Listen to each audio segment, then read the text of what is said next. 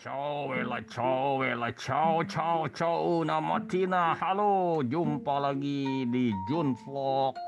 Kali ini saya akan sharing cerita tentang satu film yang lagi seru, yaitu film Money Heist. Tapi saya buka topeng dulu. Gross soalnya. Ah, ah, ini topeng Money Heist. Oke, guys, uh, kita ketemu lagi di uh, June Vlog. Kali ini saya akan sharing satu film yang lagi happening dan lagi diputer di Netflix season 5-nya. Ini film sudah beberapa tahun yang lalu tetapi masih terus uh, happening yaitu judulnya uh, La Casa del Papel yang di Netflix diberi judul Money Heist.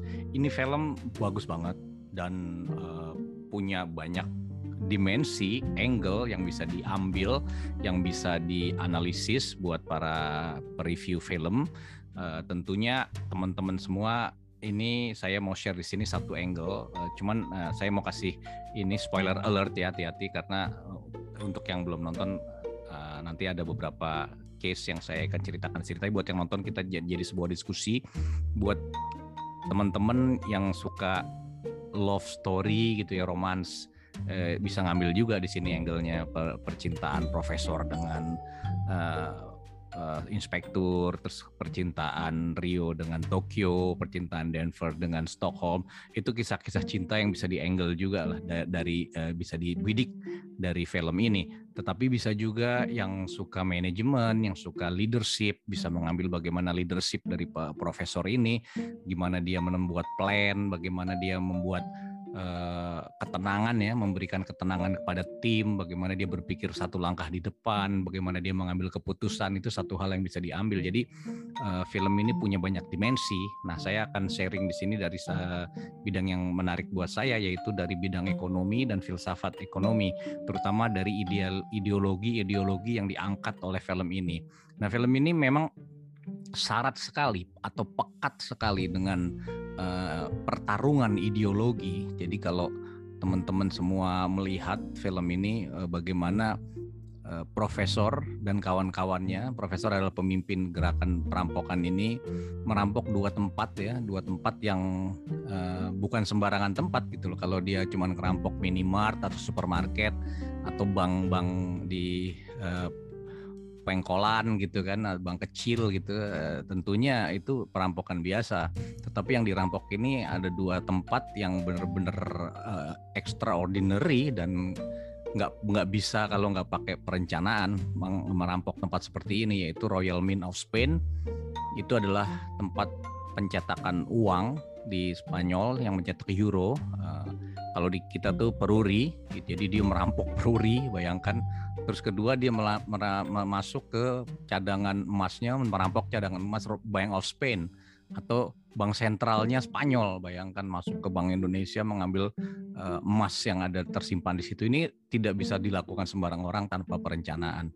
Nah, tetapi pemilihan dua tempat itu juga mengandung Eh, unsur-unsur uh, ideologi yang menarik karena bagi para penentang kapitalisme uang dan peredarannya itu adalah simbol-simbol kapitalisme. Jadi ini satu hal yang menarik perang ideologi yang ditampilkan di film uh, Money Heist. Saya akan coba share screen supaya ceritanya lebih seru karena saya siapkan beberapa gambar-gambar di sini untuk uh, kita sharing.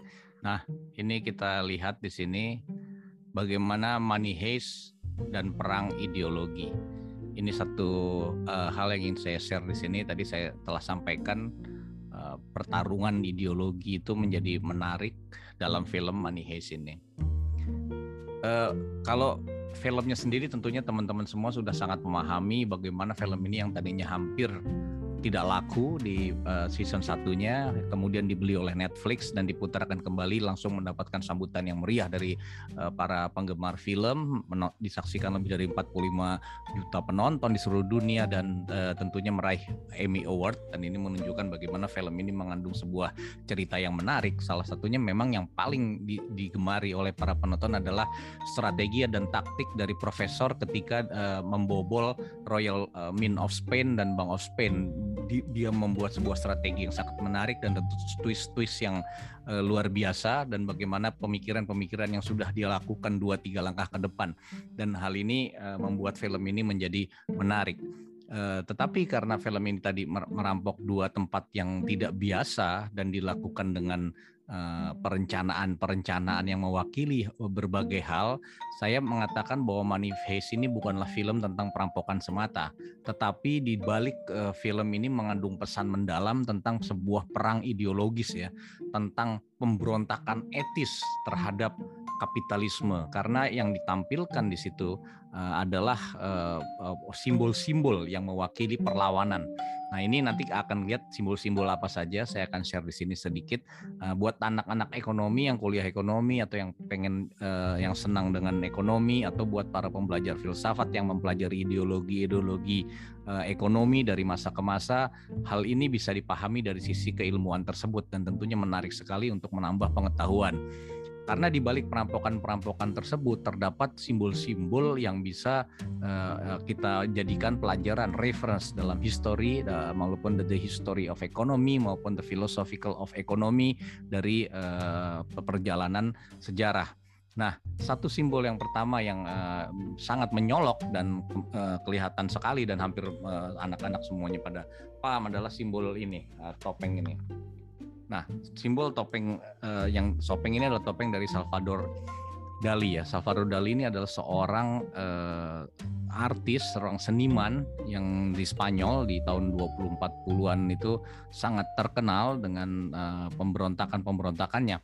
Dia di masa mudanya itu adalah seorang anarkis atau seorang uh, komunis juga yang uh, karya-karyanya merupakan tentangan, menentang masyarakat kapitalis dia juga hidup di zaman ketika di masa mudanya ketika di Zurich itu ada suatu gerakan gerakan dadaisme yaitu gerakan dada ini adalah gerakan para artis-artis dan seniman yang menentang atau mengkritik gaya hidup kapitalis.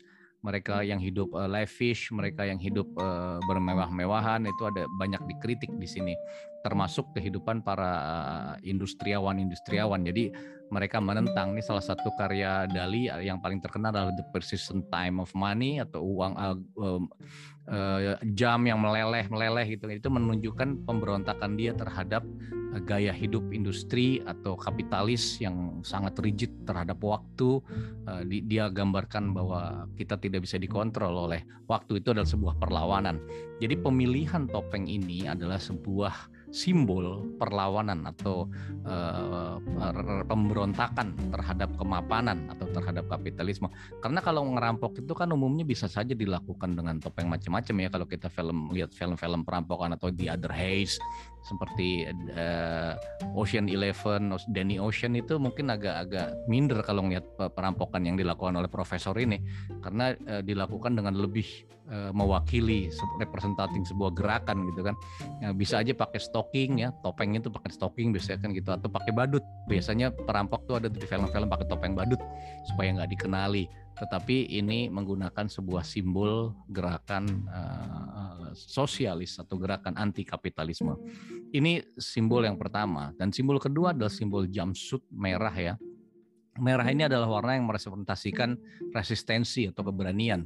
Karena sepanjang perjalanan sejarah, warna merah ini digunakan mewakili aliran-aliran uh, sosialis ya, jadi merefleksikan juga perjuangan serta darah. Uh, re, uh, gerakan yang direpresentasikan oleh Profesor dan Berlin di sini adalah gerakan resisten ya. Resistensi itu berbeda dengan revolusi ya. Kalau revolusi itu dia ingin mengobrak-ngabrik dan memutarbalikan keadaan melakukan revolusi, tapi resistensi itu ini ada tanah ada ada teori juga di ke teknik elektro yang resisten. Tapi uh, prinsipnya resistensi itu adalah dia berada dalam suatu situasi arus yang sangat kuat yang dia tidak bisa lawan uh, arus itu, tapi yang dia lakukan adalah melakukan gangguan-gangguan kepada arus itu. Jadi membuat arus itu tidak stabil lah, tidak mulus. Jadi resis, gerakan resistensi itu adalah gerakan yang dilakukan untuk mengganggu. Jadi ada kecil-kecil mengganggu, kecil-kecil mengganggu seperti itu. Jadi ini adalah simbol dari sebuah gerakan resisten yang dilakukan oleh eh, Profesor Berlin dan kawan-kawannya uh, yang melakukan perampokan di dua tempat tersebut Dan ketiga adalah simbol lagu yang dinyanyikan oleh para uh, perampok ini yaitu lagu yang sangat populer digunakan dalam uh, film ini yaitu lagu Bella Ciao ya. Lagu Bella Ciao ini dinyanyikan oleh banyak kalangan sekarang bahkan di uh, TikTok di mana sudah ada soundtrack lagu ini gitu kan. Nah, lagu ini adalah simbol gerakan rakyat. Awalnya tuh dinyanyikan di abad ke-19 di Italia dan kemudian jadi semacam lagu kebangsaan dalam berbagai demonstrasi untuk menentang fasisme, kapitalisme, dan lagu ini juga digunakan sebagai himne-himne bagi kebebasan, kemerdekaan, dan gerakan-gerakan resisten, termasuk di protes-protes dan demo-demo. Dan kalau kita lihat lagu-lagu yang ada di film itu, banyak lagu-lagu bagus, tapi diselipkan pula beberapa lagu yang memang menggambarkan aroma-aroma perjuangan kerakyatan. Jadi seperti lagu Guantanamera itu ada satu adegan Berlin dengan profesor di dalam kastilnya itu sedang menyanyikan Guantanamera Guantanamera gitu. Itu adalah sebuah folk song dari rakyat Kuba yang menggambarkan tentang seorang gadis desa di Kuba. Dan ini biasanya dinyanyikan juga dalam sebuah gerakan-gerakan uh, perlawanan. Ini uh, menunjukkan tadi simbol topeng simbol uh, jumpsuit merahnya dan simbol lagu-lagu ini. Dan ketika film ini diputar kemudian terjadi gerakan-gerakan atau proses protes di berbagai negara Eropa Asia terkait dengan global financial crisis lagu dan simbol-simbol uh, uh, tadi dimanfaatkan atau digunakan dalam kehidupan nyata sehingga kehidupan nyata ini merepresentasikan apa yang ada di film Money Heist. Ini sejarah budaya ya kalau pop culture itu sering digunakan sebagai soft power untuk mengkritik atau mengubah peta politik. Jadi biasanya kehidupan nyata diangkat ke film tetapi bisa pula terjadi sebaliknya. Film menginspirasi kehidupan nyata. Dan kalau kita lihat setelah film ini diputar terjadi uh, permasalahan atau up, uh, uprising di berbagai negara para demonstran para protester itu turun ke jalanan menggunakan simbol-simbol tadi. Kita lihat bagaimana di Rio di Buenos Aires di Venezuela di Lebanon di Myanmar, di Paris, uh, semua melakukan gerakan-gerakan demonstrasi. Kalau kita lihat di Google, uh, lihat-lihat gambar demonstrasi uh, dengan pakaian manies ini hampir terjadi di mana-mana. Bahkan perusahaan, ada pabrik demo kepada perusahaan menggunakan pakaian ini juga. Jadi ini menunjukkan bagaimana pakaian ini dan topeng Salvador adalah sebuah simbol bagi protes maupun uh, ke uh, demonstrasi protes mereka terhadap realita atau something wrong with the system. Ini yang dilakukan. Simbol lainnya tentunya kita lihat adalah kehidupan masa kecil dari Profesor dan Berlin ini. Ini adalah sebuah gambaran representasi dari kehidupan kaum proletar atau masyarakat kebanyakan. Jadi mereka dilahirkan dari keluarga miskin yang sakit-sakitan sehingga untuk membeli obat ayahnya ini tidak mampu bekerja karena sulitnya mendapat pekerjaan akhirnya merampok bank dan uh, ayahnya kemudian terbunuh dalam satu aksi perampokan yang sangat kemudian traumatik bagi profesor dan selalu membayangi uh, dendamnya ketika melihat ayahnya ditembak atau terbunuh ketika merampok bank dan kemudian uh, ia melakukan gerakan-gerakan ini. Nah, latar belakang kehidupan kaum proletar dan kesulitan hidup inilah yang menggambarkan, merepresentasikan kondisi masyarakat umumnya secara kebanyakan. Dan simbol ini juga merepresentasikan sebagian besar uh, masyarakat yang mengalami uh, opres ya depresi atau tertekan oleh kehidupan kapitalisme. Kalau melihat ideologi-ideologi, kalau lihat dari dialog-dialog uh, profesor dengan kepolisian, profesor dengan uh, kolonel Tamayo atau dengan uh, uh, Rachel, inspektur Rachel itu banyak diskusi-diskusinya yang menggambarkan kesamaan pemikiran dia dengan Karl Marx. Jadi uh, seperti dia mengatakan people know people know you for what you've done, not for what you plan to do. Artinya dia uh, lebih fokus kepada hasil bukan kepada eh, pemikiran-pemikiran. Ini juga yang dikritik oleh Karl Marx kepada kepada para filsuf filsuf itu tidak mengubah apa-apa yang saya lakukan harus mengubah dunia gitu kan. Ketika something wrong with the system nggak bisa kita cuma keluar dengan pemikiran-pemikiran. Nggak bisa dengan rasional-rasional yang tidak uh, melakukan aksi. Jadi gerakan materialisme dari uh, dialektika materialisme Marx itu adalah keinginannya dia untuk mengubah uh, sistem dengan aksi. Jadi ada kesamaan pemikiran antara Profesor dan Karl Marx ini sebuah ideologi yang mengemuka dan bisa kita lihat dari berbagai dialog dalam film tersebut. Nah, dari eh, simbol-simbol uh, tadi, uh, gerakan-gerakan, so sosialisme, lagu, pakaian dan cap pemikiran uh, Karl Marx yang menonjol di profesor tadi, kita perlu melakukan sebuah refleksi kritis tentunya bagaimana kita melihat pemikiran tersebut uh, dipandang dari uh, sudut keilmuan atau sudut uh, pengetahuan yang bisa kita uh, sarikan di sini. Pertama adalah uh, yang menarik di situ adalah adanya uh, ini adalah sebuah gerakan resistensi ada sebuah etik yang dia perjuangkan di situ, yang diperjuangkan oleh profesor dan kawan-kawan, bahwa perampokan yang dilakukan itu memiliki tujuan luhur, yaitu redistribution of wealth. Jadi profesor ini ingin melakukan redistribusi kekayaan kepada kaum yang membutuhkan. Intinya seperti itulah ya, kepada orang miskin. Karena dia melihat terjadinya ketimpangan yang begitu luas di masyarakat kapitalis sehingga dia uh, melakukan pencetakan uang atau merampok itu untuk dibagi-bagikan dengan uh, masyarakat miskin dan mengatasnamakan uh, masyarakat miskin. Dan ini yang membuat uh, ide profesor ini mendapat dukungan dari publik, mendapat dukungan dari masyarakat kebanyakan, ke, bahkan penonton pun ketika nonton itu kita pun se seperti mendukung profesor gitu kan. Uh, padahal dia kan perampok gitu kan kalau kita ngeliat tangkap loh ketangkap kalau kita dari sisi penegak hukum tentunya inginnya dia ketangkap kan. Tetapi ketika kita nonton itu kita terbawa ke dalam pemikiran profesor dan uh, berharap dia dapat lolos gitu kan. Nah ini sebuah ide yang ya sangat uh, menarik sekali sehingga profesor itu dianggap pahlawan di luar uh, Bank of Spain ketika di film itu uh, uh, masyarakat beramai-ramai menggunakan pakaian yang sama se seperti mendukung mendukung kegiatan itu. Tetapi kemudian setelah itu berhasil kalau kita lihat di episode 1 di endingnya setelah mereka berhasil melakukan itu apa yang kemudian dilakukan profesor setelah merampok dan mencetak uang? Ya pada ujungnya tidak bisa ke mana-mana juga. Gerakan itu tidak bisa ke mana-mana kalau saya melakukan analisis dan refleksi dari apa yang dilakukan profesor dan pasukannya pada saat itu. Mereka kemudian uh, akhirnya kembali lagi, kembali lagi masuk ke dalam lingkaran kapitalisme.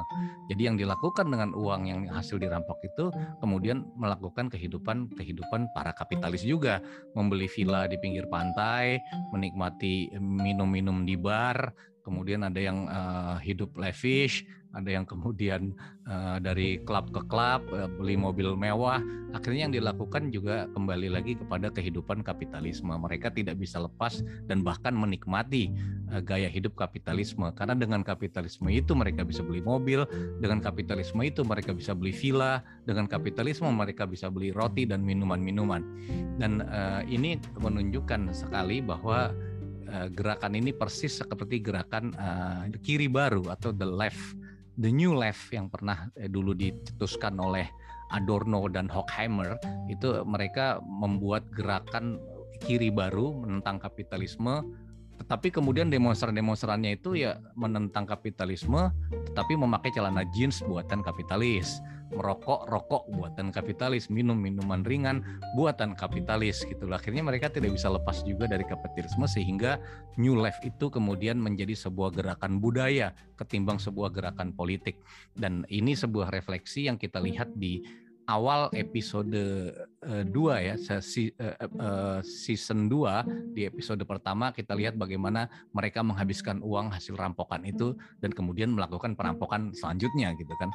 Nah, dari sini kita bisa melakukan refleksi ketiga yaitu bahwa uh, pertentangan abadi antara sosialisme dan kapitalisme itu tetap terjadi. Jadi adanya sebuah tegangan-tegangan.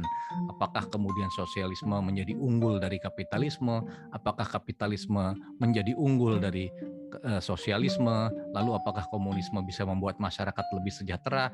Telah dibuktikan bahwa komunisme gagal Kalau saya sih mengatakan komunisme itu adalah sebuah proyek gagal karena setelah 70 tahun dicoba di eh, beberapa negara gagal membuat kesejahteraan. Bahkan yang terjadi adalah eh, tekanan atau opresi terhadap masyarakat dan dehumanisasi terhadap masyarakat itu tidak akan pernah sustain. Apa pun sistem ketika dia melakukan dehumanisasi itu akan tidak pernah uh, berjalan sustain ya berkelanjutan dan itu menyebabkan komunisme runtuh dan ide komunisme itu menjadi usang sekarang ketika ingin diterapkan kembali oleh beberapa orang karena sudah tidak fit lagi dengan zaman. Jadi apa yang perlu dilakukan tentunya bagaimana melakukan uh, keseimbangan antara pemikiran-pemikiran idealisme dan mencari jalan tengah bagaimana membuat kesejahteraan. Tapi itu diskusi yang akan jauh lebih uh, dalam dan nanti uh, tidak menjadi tidak relevan. Tetapi dalam film ini yang bisa kita lihat adalah adanya sebuah tegangan antara perjuangan profesor dengan uh, sosialismenya dan juga uh, gaya hidup masyarakat kapitalis ini bisa menjadi renungan bagi kita semua dan tentunya film ini uh, sangat menghibur dan uh, mampu menambah ilmu dan mencerahkan. Jadi menonton film tapi sekaligus belajar. Ini akhir dari bagian satu yang bisa saya share di sini. Nanti dalam uh, edisi uh, selanjutnya, episode selanjutnya saya akan lebih uh, fokus lagi ke satu tema yang menarik sekali uh, uh, dilakukan oleh profesor yaitu tentang injeksi likuiditas. Itu adalah satu ilmu lagi, ilmu baru lagi eh, tentang bagaimana ekonomi di masa krisis dan bagaimana otoritas melakukan kebijakan yaitu injeksi likuiditas. Apa hubungan money heist dengan injeksi likuiditas atau quantitative easing? Saksikan di episode saya selanjutnya. Sampai jumpa.